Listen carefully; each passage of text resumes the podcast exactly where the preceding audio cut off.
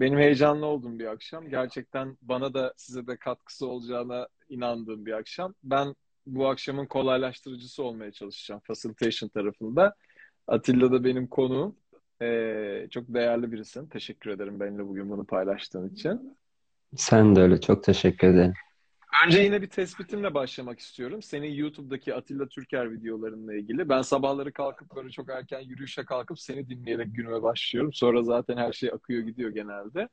Şöyle, e, sen çok daha fazla e, şöyledir, böyledir dediğin şeyler vardı ya hatırlıyorsun sana söylemişim ya. Bu böyledir. Ger hani hep gerçek bir tane aslında ve onu diyorsun ya bu böyle olduğunda böyle olur, şöyledir. Bir de son zamanlarda şeyi artırmaya başladım. Bu çok değerli bir şey bence. Ve danışmanlık alan kişilerin çok beklediği bir şey. Yapılacak olan şudur deyip onu söylüyorsun. Farkında mısın? Hı hı. Yani sen akıyorsun gerçi de. İnsanlar yapılacak olanı olan nedir diye mesela bana sorduğunda e, sizi formülü sizde diyorum ama sen mesela yapılacak olan şuduru söyleyebiliyorsun ya bunun değerinin ben çok farkındayım. Sana teşekkür ediyorum. Bugün de birazcık yapılacak olanları daha fazla söylediğin bir yerden söylemeye çalış bazı şeyleri senden ricam. Tamam mı? Olur. Tamam. Şimdi e, seninle aslında ben geçen hafta teknik sebeple yapamadık ama e, aslında aynı konunun üzerine koyarak bugün gideceğimizi düşünüyorum. Ölüm üzerine biraz konuşmak. Aslında korku üzerine konuşmak e, la başlayalım istedim. Ben sana bir terim söyledim Latince daha önce dinlediğim, çok okuduğum, ettiğim. Senin onunla ilgili ilk yorumlarını alacağım. Bilmeyenler varsa buraya yazayım. Memento mori. Memento mori ile ilgili teşekkür ederim beni de şey duyup e, bir şeyler okuduğun, izlediğin için. Sen bu, bu terimin sende olan algısını biraz anlatır mısın senden ricam? Tabii. Memento mori senin söylediğin üzerine ben de baktığımda Latince aslında ölümü hatırla. Aynen. Yani faniliğini hatırla anlamına geliyor. Ee, bu zaten çoğu kültürde var aslında. Bizde İstanbul'da Zincirlikuyu'da da yazardı. Her canlı ölümü tanıyacaktır diye. Hatta Rumi de demiştir ki her canlı ölümü tadacaktır. Lakin çok azı yaşamı tadacaktır. Evet. Şimdi ölüm o kadar garip bir şey ki aslında ölümü hatırlamak zihni kaynağına çekecek çok nadir bilgilerden biri. Zihni kaynağına çekmek yani aslında olduğum bu rüyadan uyanmak için ölümü gerçek anlamda hatırlar ve ondan korkunu bırakıp gerçekten ölüm fikriyle yüzleşir isen orada sonsuz olduğuna uyanıyorsun. Çünkü görünenin sonlu olduğunu kabul edip yani bedenin o halde de kendi sonsuz olduğuna uyanıyorsun. Çünkü tüm bu oyun, hayat dediğimiz oyun, sonlu görünenin içinde sonsuz olduğunu hatırlama oyunu. Ve bu hayatta yaşadığımız tüm korkular aslında ölüm korkusu. Çünkü hep kendini görünen zannedip bu görünenin bitmesinden korkuyor her şey. Yani gördüğü bu bedene tutunuyor ve diyor ki evet bu biterse ben biterim. Evet. Bu sebepten bunun sonlu olduğunu kendine hatırlatır isen zaten içinde sonsuz olan doğar. Bunun içinde işte ölümü hatırla. Memento mori aslında söylenebilecek, zihni kaynağına çekebilecek en keskin, en sarsıcı, en uyandırıcı cümlelerden biri. Birisi şey demiş, gözlerini neden öyle kırpıyorsun demiş sana. Ya da mesela videolarına başlarken içinizdeki yüceliği selamlıyorum niye diyorsun da çok soran var. Ne çok soru geliyor değil mi? Güzel, öyle güzel sorular. Ne diyorsun? Niye gözlerini Güzel soru. Ee, farkında değilim ben. Yani bedenin ve nasıl şekle girdiğiyle ilgili bir bilgim yok. Ee, şeyi söyleyeceğim sana. Ee, senin demin söylediğin konuyla ilgili aslında ben böyle kendime notlar aldım bugün. Ya, aralarda şöyle yan tarafa bakacağım. Korkuya gözünü dikebilirsin dedin bir videoda. Ee, bunu Hı çok hı. e, yani bu ces bu cesareti gösterebilirsin dedin. Ee, gözlemde kalabilirsen hayatının nasıl değişebileceğini anlattın. Korkuya gözünü dikmek ve bununla bağlantılı olarak da aslında şunu fark etmek. Korktuğumuz, korktuğumuz korkunun kendisinden daha büyüktür. Bağlantısını birazcık açar mısın herkese burada senden ricam? Tabii. Her şey aslında zihin sürekli olarak görünen oyunu sürdürmeye programlı. Yani seni hayatta tutmaya. Onun işi de bu şekilde ve bu da gayet güzel. Fakat sen kendini görünen zannettiğinde, yani sadece beden zannettiğinde bu halde bu seni hayatta tutmak için bir mekanizma olmaktan çık. Hayatını bir hapishaneye, bir zindana çeviriyor. Çünkü her şeyde artık varlığını sürdürmeye çalışan bir insan ortaya çıkıyor. İşte ilkel insan dediğimiz aslında. Bugün belki teknolojimiz son derece gelişti. Fakat hala çoğumuz ilkel bir zihinle yaşıyoruz. Çünkü sürekli olarak hayatta kalmaya çalışıyoruz. Evet. Hayatta kalmaya çalıştığın sürece hayatın neşesini göremez olursun. Çünkü tek mücadelen hayatta kalmak. Hayatı yaşamak değil. Yani Hayatta oyunun oyun olduğunu, çalıştığın sürece oyunun oyun olduğunu fark edip fark edip neşe neşeye gidebilip akabilecekken aslında onun tersini yapmaya tutunmaktan bahsediyorsun, değil mi? aynen öyle. Yani aslında çoğumuz ölümden kaçarken hayatı yaşamıyor. İşte bu sebepten korku da böyle bir şey ki korku en büyük illüzyonlardan biridir. Çünkü eğer korktuğun şey başına gelirse görürsün ki korktuğun şey kadar büyük değilmiş. Korkunun kendisi korktuğun şeyden daima daha büyüktür. Hatta çoğumuz korktuğumuz başına gelince bir nefes alır, oh çeker. O kadar da O kadar korkutucu da değilmiş korkacak bir der. şey yokmuş. Aynen Bak öyle fena diyecek. dinlemiyorum Atilla. Çok iyi dinliyorsun.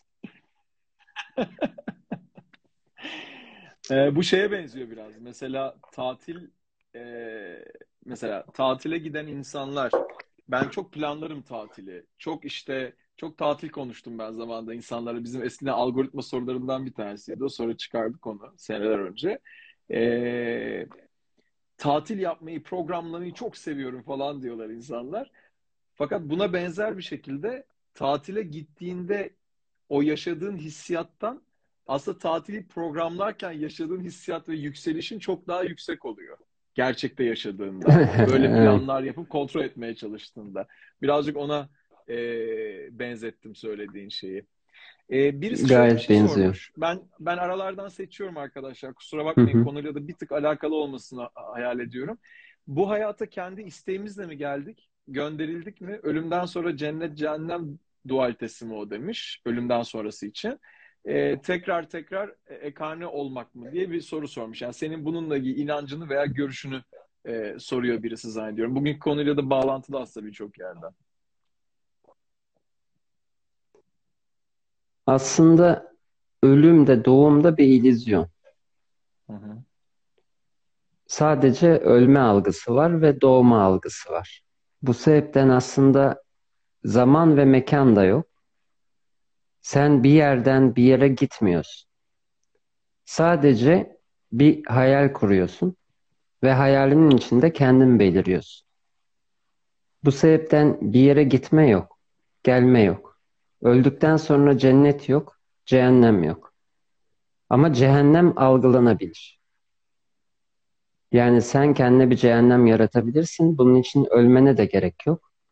Ölümden korkarak bu yaşamı yaşayınca zaten bu hayatı cehenneme çeviriyorsun. Her şey şu anda ve şu anda burada. Bunun dışında hiçbir şey yok. Cehennem de burada.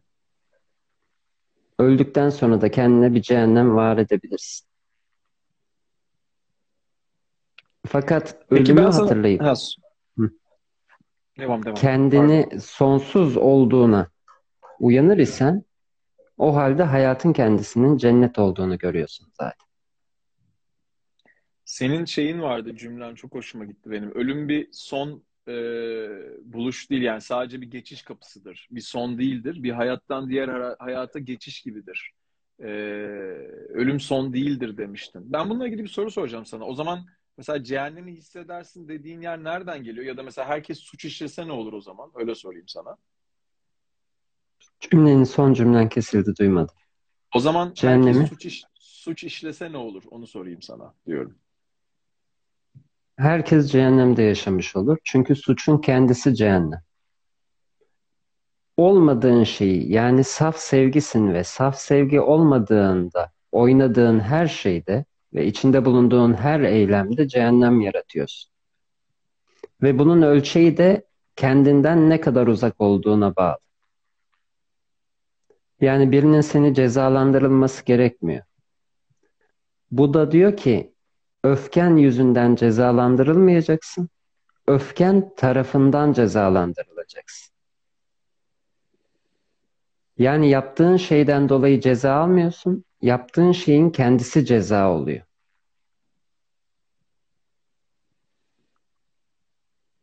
Senin şey sözün var bir de bununla bağlantılı. Ölümün yaşamın tersi olmaması ile ilgili, yaşamın son bulmaması ile ilgili. Onu da biraz açar mısın? O tarz Tabii. sorular çok geliyor çünkü şu anda. Ölüm doğumun tersi. Çünkü yaşam biten bir şey değil. Çünkü sen yaşamın kendisisin. Bu sebepten ölüm sonsuzluktaki bir geçiş kapısı gibi düşün ve bunun bir yönü yok. Sonsuzluktaki yönsüz bir kapıdan geçtiğinde çıkmış mısındır, girmiş misindir? Yani senin ölümün aslında aynı zamanda doğumun da oluyor. Hı. Burada ölüyorsun, bambaşka yerde sürekli olarak doğmaya devam ediyorsun. Ve eğer ölmeden önce bu kişiliği öldürebilir isen burada, yani tuttuklarını, tanımlarını, kavramlarını, korkularını, o halde hayat cennete dönüşüyor.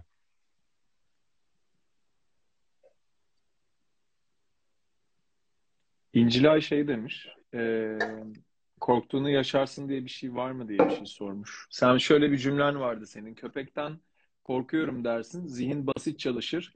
Köpek beni ısırırsa ölürüm der diye bir cümlen vardı. Bu açıdan biraz anlatır mısın bunu?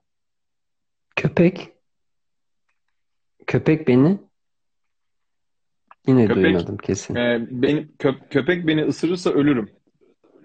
Hı hı, Yani aslında İncilay şunu soruyor. Bununla bağlantılı söylemek istedim ben. Demiş hı ki bir hı. dakika bulmaya çalışıyorum. Çok mesaj var. Geliyor çok pardon bekletiyorum sizleri. Hı. Korktuğunu yaşarsın diye bir şey var mı? Yani aslında o enerjiyi kendi hayatına getirmek, o ölümden, ya benim anladığım, e, ölümden korku konuştuğumuz Hı şey hı. ama o korktukça hayatının merkezine daha fazla geliyor mu? Köpek beni ısırırsa ölürüm demek gibi. Hı hı. Korktuğunu yaşarsın ama burada daha fazla bir illüzyon var. Bunu Hı hı. yaşayacağım diye korkmaya başlayabiliyorsun. Zihin çünkü çok muzip. Önce bir korku tohumu geliyor. Hemen yaşamayacaksın onu. Ama bu sefer eyvah korktuğumu yaşarsam deyip korktuğunu yaşamaktan ve korktuğu için yaşamaktan korkmaya başlıyor. Bu sebepten buralarda oyalanmak yerine korkuyu gözlemlemek daha net bir çözüm. Gelen korkuyu gözlemleyip özdeşleşmez isen zaten çok kısa sürede buharlaşıp gidecek. Ama onun seni girdabına çekmesine izin verir ve farklı kulvarlardan onu büyütürsen, işte korktuğumu yaşarsam, korkuyorum o sebepten mi yaşayacağım gibi, bu sefer korku artarak çoğalacak. Sadece ger o demin bahsettiğin gibi gözünü dikip bakmak, yani korkudan korkmadan ona gözünü dikip bakarsan, zaten o senden yüce bir şey değil. Kendi Ve, çözülecek. ko- ve korkulacak da o kadar bir şey olmadığını o, o anda görmüş olacaksın zaten. Aynen öyle. Peki e, şimdi benim yaptığım işte e, çok fazlaca gördüğüm bir şey. Bu üç sene kadar önceki TEDx'te anlatmaya çalıştığım şeyle bağlantılı bir şey soracağım sana. Aslında hiç konuşmadığımız bir şey seninle ama sen konuştukça hem ben kendime geri bildirim veriyorum hem de geri bildirimi verdiğim şeyle ilgili ilham alıyorum. Şöyle bir şey. Aslında kendimizi etiketlememiz, ben böyleyim, ben şöyleyim diyerek aslında durumları kontrol etmeye çalışmamız, her an değişecek olanlar, hatta kendimizi etiketlememiz dışında insanlara mesela bir ilişki yaşarken herkesin neredeyse şöyle demesi, belki sen demiyorsun ama benim tanıdığım insan %99'u diyor bunu. Ee, benim şöyle biriyle olmam lazım, böyle biriyle olmamam gerekiyor, şöyle olmalı, böyle olmamalı gibi şeyleri söyledikçe sana şunu sormak istiyorum. Bu kadar etiket, bu kadar beklenti, bu kadar değişim dönüşüm içinde bunun ölüm korkusuyla bir bağlantısı var mı? Onu soracağım sana. Tutmaya çalıştığın her şey bir ölüm korkusu zaten. Çünkü sürekli olarak kendinin son beden zannettiğinde sonlu görüp bu sonlu hali var etmeye çalışıyorsun. Yani sorun çok değerli. Ben şöyleyim dediğinde o hali var etmeye çalışıyorsun çünkü ölmekten korkuyorsun. Ölüm korkusunu bıraktığında yani aslında kendini bedenden ibaret olduğun algısını ortadan kaldırdığında hayatın değişen görüntülerden ibaret olduğunu idrak edip buna tanık olmaya başlıyorsun. Hı hı. İşte bu halde de ben şöyleyim, böyleyim, ben bunu yaparım, böyle yapmalıyım. Hepsi buharlaşıyor. Sadece olana tanık olmaya, yani olan hayata izlemeye başlıyorsun. Evet. Çünkü artık tutacağın bir şey yok. Çünkü artık tutacağın bir beden de yok. Bu da göçüp gidebilir. Memento mori dönüyorum.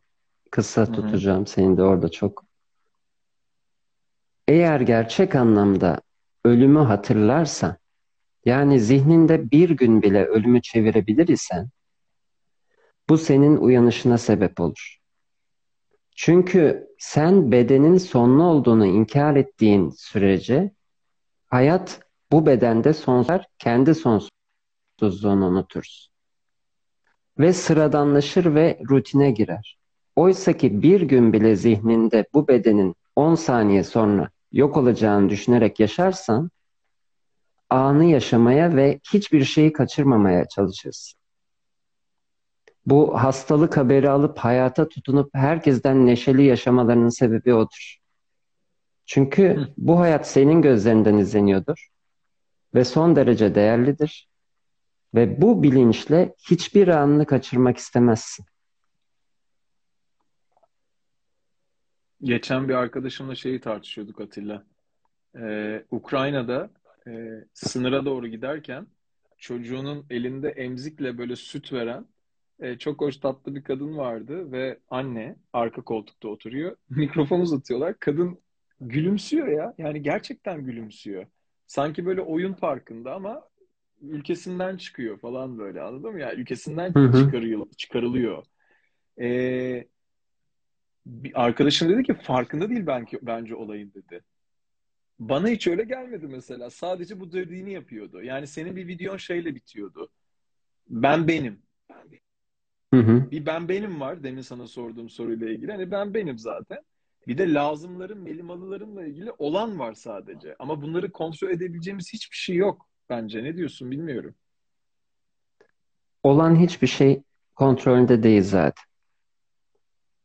Bu sebepten sadece benim deyip gözleme geçersen, yani olanı gözleme geçersen o halde hayatın bir film olduğu ortaya çıkıyor zaten. Ve o halde de gözünü kırpmadan izleyeceğin, keyif aldığın bir şeye dönüşüyor. Tabii ki bu acı da çekilebilir, hüzün de olabilir, hepsi olabilir. Fakat yaşamaya başlıyorsun. O dediğin kadın burada güvenli hayatında yaşayandan daha çok yaşıyor o anı belki. Çünkü zihin tamamen artık devreden çıkmış, olanı izlemeye başlamış. Çünkü bambaşka bir şey ve 5 saniye sonra yok olabilir. Ve o çocuğuyla evet. geçirdiği son an olabilir. Bugün çoğumuz diyoruz ki ben anneyim, çocuğumu çok düşünüyorum. Ama çocuğunla ilgilenirken ertesi sabah patronunla ne konuşacağım var kafanda. İşte çocuğunla ilgilenirken eşinle yaptığın kavga var. Çocuğunla ilgilenirken yarın ödeyeceğin fatura var. Ama o kadın çocuğuyla ilgilenirken 5 saniye sonra o sütü çocuğuna veremeyebilir ve sadece o anı yaşıyor. Ve sadece o anı yaşarsan 5 saniye öncesi yok, 5 saniyesi sonrası yok. Ki bu da olabilir. Çünkü hayat bilinmez. 5 saniye sonra yok olabilirsin. Böyle yaşarsan her an son derece haz verici ve gerçekten değerli bir filme dönüşüyor. İşte senin fark ettiğin gibi kafası güzel ya da bir şey olmuş değil. Sadece o çocuğuyla anı paylaşıyor. Çünkü olmayabilir 5 dakika sonra. Evet. Kişisel gelişim vari çalışmalarda çok fazlaca e, şeyi duyuyorum ben. Evrene gönderelim ve o bizim hayatımıza gelsin. İşte bu secret modelleri vesaire. Ece'nin bir böyle bir manifestation, manifestasyon yazmış Türkçesine ama hani evrenden isteyip sonrasında nasıl davranacağım bilemiyorum demiş. Benim ilişkilerle ilgili yani ilişki bazında gördüğüm bir şey var. Hani insanlar neyi istediklerini düşünüyorlarsa ve etiketlemeye çalışıyorsa ve böyle olması lazım diyorsa hayat onları tersiyle sınıyor. Ben de yaşamışımdır bu aynı şeyi. Sence hayatın her alanında bu böyle mi? Yani böyle bir Ece'nin sorduğu sorudan doğru o e, evrene göndereyim ve bana gelsin mi yoksa bırakmakla ilgili bir şey mi yani? Anladın mı sorum, sorumu? Yani biraz Çok bunu açar anladım. mısın? Sen ne olduğunu düşünüyorsun merak ediyorum burada. Okay. İçinde bir istek beliriyorsa zaten o senden ifade bulacak. O halde yapılacak şey bir yere bir şey göndermek ya da bununla mücadele etmek değil. Geldi, gördüm, bırakıp serbest bırakmak. Çünkü bundan sonra olan tüm sürecinin engel olman oluyor. Çünkü bir şeyi istemeyi sürdürüp onunla ilgili mücadele verdikçe onu ulaşılacak bir şey konumuna koyuyorsun. Evet. O zaman Çaba da oluyor diyorsun ki bu Gayret ulaşılacak bir başlıyor. şey. Aynen Çaba öyle. gayret başlıyor. Okay. Sonra ne oluyor? Çaba ve gayret başladığında zaten artık sen diyorsun ki bu ulaşılacak bir şey. Ve mücadele edilmeli. İstediğin şey onu elde etmek için mücadele etmek oluyor. Onu elde etmek değil. Ve bir şeyin sana bir yerden gönderildiğini düşünüyorsan elbet yolda bir şey başına gelebilir. Yani bir şey sana bir yerden gönderilmiyor. Senin önünde zamanında beliriyor. Aslında hepsi senin kendi hayalin içinde beliriyor. Evren senin dışında değil, evren senin içinde zaten. Senin yapacağın tek şey olana izin vermek. Engel olmayı bırakırsan bir yere bir şey göndermeye ihtiyaç yok. Ve senin demin dediğin gibi tam da öyle oluyor. Çünkü sen insan bazen istemediği şeyi isteme oyununu oynar. Ve sana işte o istemiyorsun zateni yüzüne çarparak gösteriyor. Tam tersini veriyor. Böylelikle kişiliğini törpülüyor. Yani aslında diyor.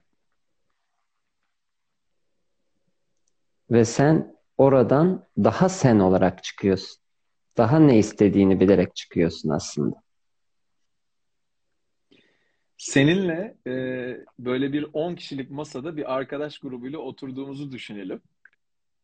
Ve şu anda bu konuşmayı yaptıktan sonra ikimize şöyle bir soru sorulsun. Siz ne yapıyorsunuz? Siz ne yapıyorsunuz?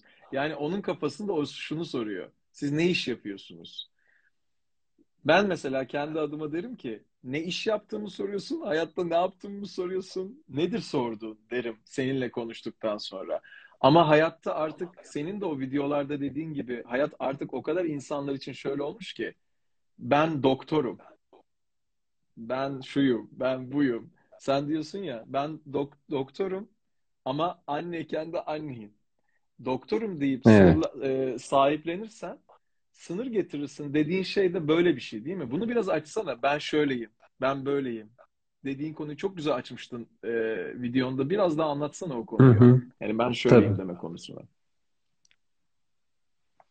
Aslında hiçbir şeyiz. Bu sebepten de her şeyiz. Ama sen ben bir şeyim demekte ısrar edersen o halde de o bir şeyle sınırlı kalacaksın. Ve bu sınır bir sıkıntı, bir sıkışmışlık hissi oluşturacak. Çünkü kendine bir kabuk görüyorsun. Kendine yalan söylüyorsun. Ben bir şeyim dediğinde sıkıntı hissetmenin sebebi kendine yalan söylüyor olman. Aynı tondur zaten. Çünkü sen doktor değilsin, bir avukat değilsin, bir anne değilsin. Saf, öz olan, hiçbir forma sığmayan o sonsuz sevginin kendisisin. Ve uyanacağın tek bilgi de bu. Fakat ben bir şeyim diye ısrar ettikçe bu olmadığın şeyi sürdürmek ve zaten illüzyon olanı ortaya koymak oluyor. Sürekli illüzyonu var etmek oluyor. Çünkü zaten doktorum dediğinde doktor değilsin. Sadece Evet. o an Tanrı senin vasıtanla doktorluk yapıyor. Eve geldiğinde eşinin kulak burun boğazına bakmıyorsun. Artık onun eşisin. Çocuğunun da kulağına bakmıyorsun. Uykuya doktor olarak yatmıyorsun. Doktor kıyafetlerinle uykuya girmiyorsun. Herkes gibi uyuyorsun. Pijaman neyse pijamanı giyiyorsun, onunla uyuyorsun. Uyuyan birisin o an. Uyanıyorsun, kahvaltı ediyorsun, kahvaltı eden birisin. Ve beş dakika sonra ne olacağını da bilmiyorsun. Bu sebepten an ve an değişen bir hayal burası. Ben buyum, şuyum demeyi bırakırsan illüzyon çözülmeye başlayacak. Gerçek olduğuna uyanacaksın. Yine devam edeceksin. Doktorluğa, yine bir şeylere ama artık buyum deyip onun kendine baskısını kurmamış olacaksın. Ee, herkesin algısı mesela seninle ilgili, hayatla ilgili ne kadar farklı. Birisi diyor ki Atilla Bey ses tonunuz çok huzur veriyor diyor mesela. Başka biri diyor ki yazılarda ben okuyorum şimdi. Niye kitap okuyor gibi konuşuyor bu adam diyor. Evet Atilla niye kitap okuyor? Senin şu demin konuştuğumuz tekrar dönüyorum konularla ilgili yapılacak olan dediğini ben yazmıştım. Bu çok değerli bir şey bence. Kişiyi sahiplenmeyi bırakmak yapılacak olan Hı dedin. hı. Bunun bunun bir oyun olduğunu kabul etmek ve onun da an be an değiştiğini kabul etmek aslında. Yani e, televizyon izlerken anne olmaya çalışırsan televizyon izleyemezsin. Yani var olanı kaçırırsın muhabbeti. Bu çok Aynen değerli bir şey. Aslında anda kalmakla ilgili benim de daha önceden öğrendiğim çok değerli bir şey vardı. Ben şimdi herkese sorayım. Ne istiyorsun? Ne istiyorsunuz? Ne istiyorsun? Hepinizin aklına gelecekle veya geçmişle ilgili bir şey gelecek. Ne istiyorsun? Su içmek istiyorum. E tamam, yok içemiyorsun şu anda. Yani şey gibi, fotoğraf gibi. Fotoğraf çekildi ve bitti. Ne istiyorsun dediğim anda bitti. Hiçlik budur işte. Yani yazmışlar aşağıda tasavvuf, tasavvuftaki hiçlik diye. Millet her tarafına hiç diye dövmeyi bunlar için yaptırıyor zaten. Biraz dikkatli baksak onlar da bunların farkına varıyorlar diye düşünüyorum. Biraz da şeyi konuşalım. Çok sağ olun yazdıklarınız için. Çok teşekkür ederim bu arada. Çok tatlı şeyler yazıyorlar. Ee, özün değişmez diyorsun ya biraz ona girmek istiyorum.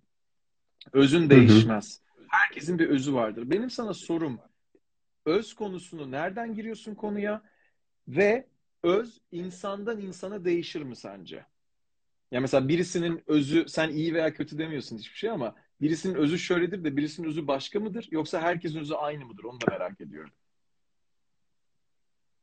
Öz dediğim belki kelime sapmış bir halde kullanılıyor. Öz aslında herkesin özü bir. Hı hı. Aynı da değil. Bir. Çünkü herkesin özü o Tanrı.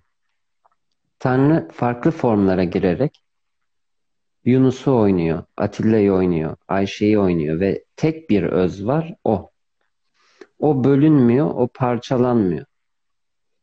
Bu gözlerin arkasından bakanla sokakta bir sana bakan bir köpeğin gözlerinin arkasından bakan aynı öz. Okay. Bu sebepten özün iyi ve kötü olması da mümkün değil. Çünkü o iyinin ve kötünün ötesinde. İyi kötü ancak bu oyunda var. O da zihin boyutunda var. Burada kötü olarak algıladığın ve kötü dediğin bir şey bambaşka bir iyiliğe sebep olabilir evrenin bir ucunda. Ve bunu asla zihinle bilemez. Evet. Bu sebepten öz bir aslında. O bölünmüyor, parçalanmıyor. O tüm bu hayatı, bütün evrenleri yaşayan sonsuzluğun kendisi. Hatırlama hali de işte o Yunus Emre'nin Yunus seninle konuşurken Yunus Emre'den referans vermek çok güzel oluyor. Bir ben var içeri, benden içeri dediği işte o öz, o ben olan. Bu sebepten farklı kültürlerdeki tüm üstadların yazılarına bak. Hepsinde aynı şeyi, aynı hitabı hissedersin. Bunun sebebi işte o özün konuşuyor olması.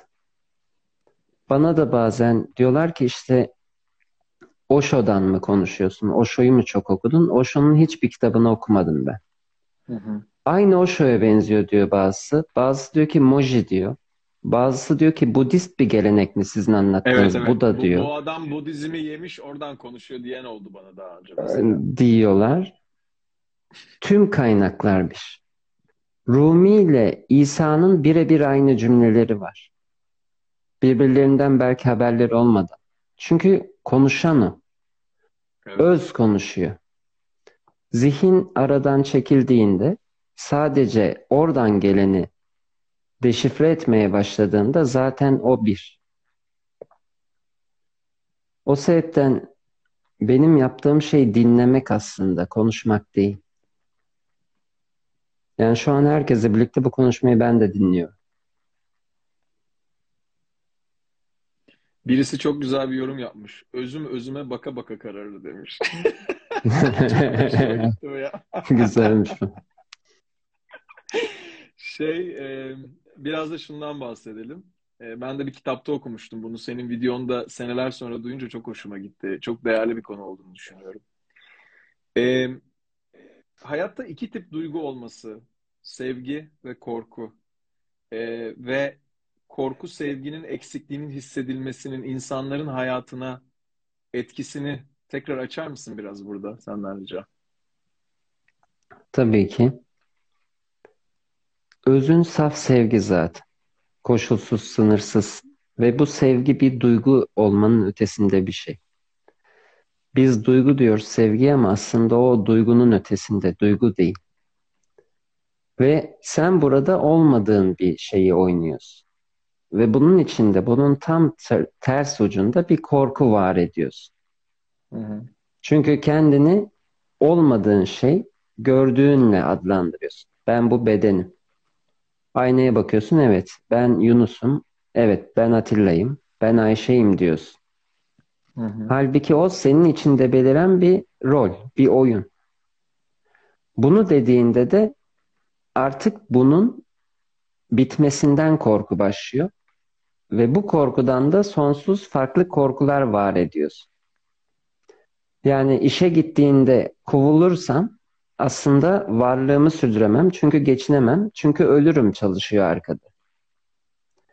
Önüne trafikte bir araba kırdığında aynı bir köpeğin alanını koruması gibi. Benim burası alanım, alanıma girerlerse tehdit olur. Tehdit olursa da varlığımı sürdüremem diyor. Birisiyle kavga ettiğinde haklı çıkmak istemesinin sebebi ben bu savaşı kazanamazsam varlığım son bulur, ölürüm. O halde burada kaybolurum hissi. Aslında hep aynı korkunun farklı rollerini oynuyoruz. Aslında sadece korku var ve sevgi var. Sevgi olduğun şey, korku da olmadığın şey.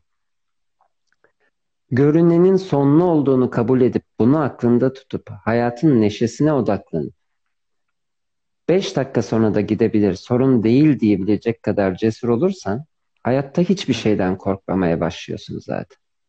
Ukraynalı ablamızın yaptığı gibi. Aynen öyle.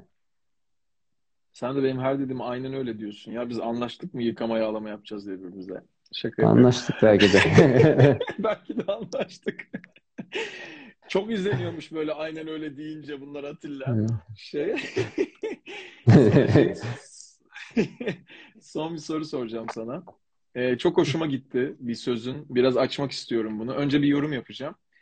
Ee, son zamanlarda en üzerine titrediğim, e, çok sevdiğim bir terapistin bir sözü var. Ee, şeylerden bir tanesi, en üzerine titrediğim konulardan bir tanesi kendi hayatımda da eylemsiz farkındalık pişmanlıktır cümlesi. Eylemsiz farkındalık pişmanlıktır. Yani benim için şu demek. Ben bir konuda farkındaysam, mesela bunların hepsinin bir oyun olduğunun, ama ben bununla ilgili bir eyleme geçmiyorsam ve her bir şeyi dert, kendime dert ediniyorsam, Hı hı. bunun bir oyun olduğunu bilmeyeyim daha iyi. Yani farkındaysan, eyleme geçmiyorsan bilme daha iyi demek bence. Fakat bir değişim dönüşüm varsa, mesela ben kendimi etiketleyeyim olumlu bir yerden. Ben çok değişime dönüşüme açık biriyim diyeyim ki çok da yaptığım bir şey. Şimdi azaltmaya çalışıyorum seni dinledikçe. Ama illüzyonun illüzyon olduğunu fark ettiğimde ve bir tane değişim dönüşüm olduğunda o benim hayatıma ve benden doğru herkesin hayatına yaradığını gördüğüm zaman ben senin şöyle bir cümlen var. Bir illüzyon ortadan kalkınca çorap söküğü gibi tüm illüzyonlar ortadan kalkar. Bunu biraz değişim dönüşümle bağladım ben kendi algımda senin söylediğin şeyi. Bir illüzyon ortadan kalkınca çorap söküğü gibi tüm illüzyonlar ortadan kalkarı biraz açar mısın? İnanılmaz değerli bir cümle gel cümle olduğunu düşünüyorum da. Hı hı. Bir illüzyon aslında kişilik illüzyonudur. İşte etiket ve tanım. Ben böyleyim, ben şöyleyim dediğin. En derin illüzyon budur. Çünkü aslında tek illüzyonu besler. O da bu hayatta her şeyin birbirinden ayrı olduğu illüzyon. Bir şeylerin birbirinden ayrı olduğu illüzyonunu ortadan kaldırırsan, yani sen ve başkaları var kavramını kaldırırsan, ben ve bir dünya var. Benim dışımda bir evren var. Ve ben böyle bir adamım. Bu illüzyonu kaldırırsan, bütün illüzyonlar buna bağlıdır ve hepsi çorap söküğü gibi gelir. O halde kendi kişi olduğun algısı ortadan kalkarsa, yani görünen sonlu bir bedenden ibaret olduğun algısı ortadan kalkarsa, korkular da gidecektir. Korkular giderse buna bağlı bütün sıkışmalar gidecektir. Bu sebepten görünene fazla anlam yüklemeyi bırakıp bunun sonlu ve değişken olduğunu kabul edersen ki biz ölümü ancak toprağın altına girdiğinde zannederiz. Halbuki şu an burada biz konuşurken bile binlerce hücremiz ölmekte ve binlerce hücre doğmaktadır. 6 ayda vücudundaki bütün hücreler ölmüş, yerine yenileri doğmuş olur. Yani aslında 6 ay önceki Yunus bedenen ölmüş, bugün bedenen başka bir Yunus buradadır. Kişilik de tamamen illüzyondur, beden de tamamen illüzyondur. Hepsi sürekli değişir. Değişimi kabul edersen, yani değişimden korkmayı, değişimin senin sonun olacağını, korkmayı bırakırsan, buna bağlı bütün illüzyonlar zaten çözülecek. Ve o halde tek hakikat ortaya çıkacaktır. Senin sonsuz olduğun. Ama bu ben sonsuzum, ben sonsuzum gibi olumlama yapmakla çözüm bulmaz. Önce kendi bu görünenin sonlu olduğunu kabul edip korkmadan işte ona bakmayla olur. İnsanlar şeyi soruyorlar, e, kaydedilecek mi diye. Bundan önceki videolarımız da kayıtlı bir şekilde var. Benim şey de var, Yunus'ta görebilirsiniz istiyorsanız. Onu söyleyeyim öncelikle. O zaman yapılacak olan şu mudur Atilla? E, ben şöyle bir adamım veya ben şöyle bir kadınım demek yerine senin söylediğin gibi ben benim demek. Bir de benim bir şeyleri paylaşıyorsam birileriyle şöyle birileriyle olmam lazım böyle birileriyle olmamam gerekiyor. Böyle olmalı benim olacağım kişi. Ee, böyle olmamalı demeyi bırakıp aslında biraz e, akışa kendimizi bırakıp ne yaşıyorsak yaşamak ve olanı kabul etmekle ilgili mi? Toparlarsak bugünü. Aynen de öyle. Aynen bitireyim. Süper. Tamam. Bu sefer aynen öyle değil, aynen de öyle dedin. Helal sana. D'yi ekledim. Ee, süpersin. Çok değişik bir şey yaptın Atilla bu akşam. Evet. Arkadaşlar şimdi şöyle e, bu çok bunları çok spiritüel de konuşmalar bence. Çok dünyevi de konuşmalar. Hiçbir şeyi belki de tanımlamaya veya etiketlemeye de gerek yok. Atilla'dan öğrendiğim gibi. E, çok güzel bir program oldu bence bugün. Sana çok teşekkür ederim. Katılan herkese çok teşekkür ederim. E, Ben de çok teşekkür size ederim. bu adama vesile olabildiğim için ben sana özellikle çok teşekkür ediyorum. Çok mersi. Başka söylemek istediğin bir şey var mı? Her şey kalbinizin isteklerine göre şekillensin. Süper. Hepinizi seviyorum.